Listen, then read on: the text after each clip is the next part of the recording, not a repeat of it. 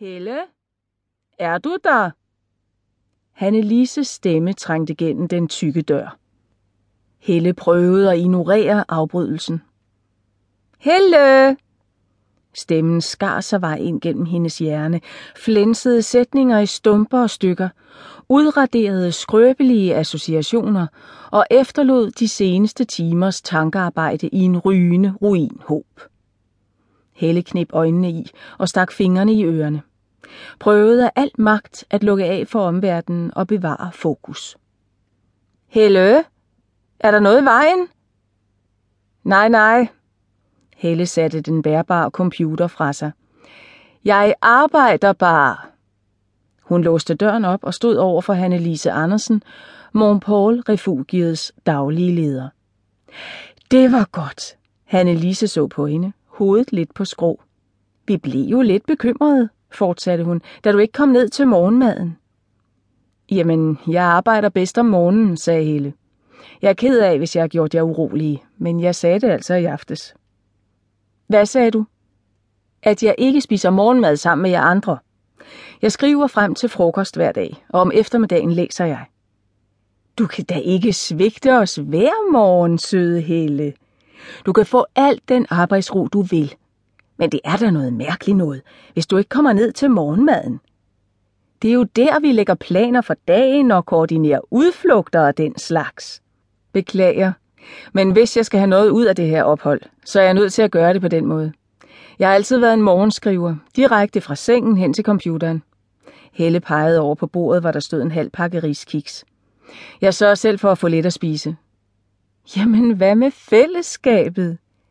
Hvad mener du? Det sociale element er vigtigt for Montpol, det ved du da. Det står i formålsparagrafen, at refugiet er et sted, hvor man udveksler erfaringer og inspirerer hinanden på tværs af kunstarterne. Jo, jo, men vi er der sammen de fleste aftener, ikke?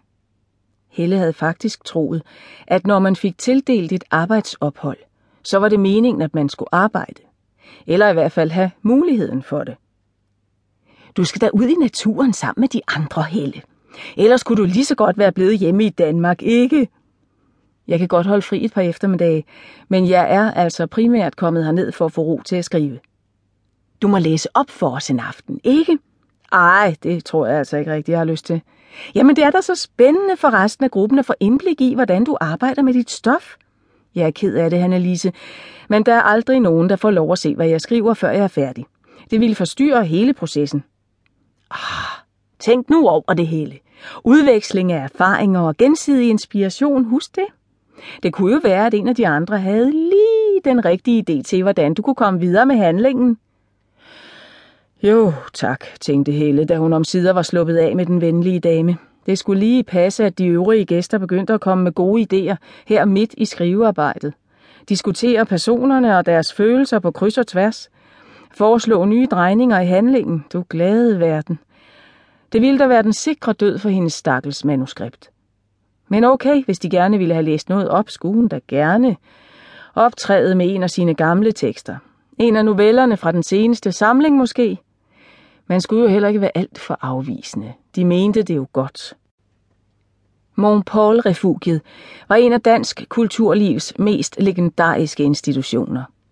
For små 60 år siden havde en privat fond grundlagt refugiet i et nedlagt tuberkulosesanatorium på en bjergskroning i det sydligste Frankrig.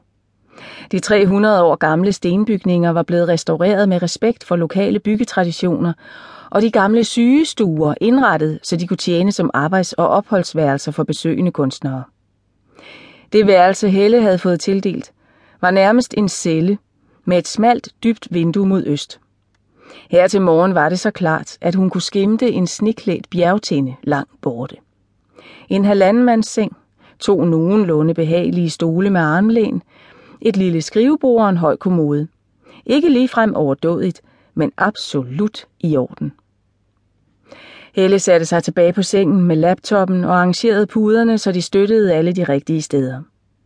Så læste hun det kapitel, hun var i gang med igennem endnu en gang, mens hun forsøgte at finde tilbage til den mentale tilstand, hvor i hun kunne skrive. Men skaden var sket, erkendte hun efter en halv times frugtesløs kamp, hvor hun slettede to ord for hvert hun skrev.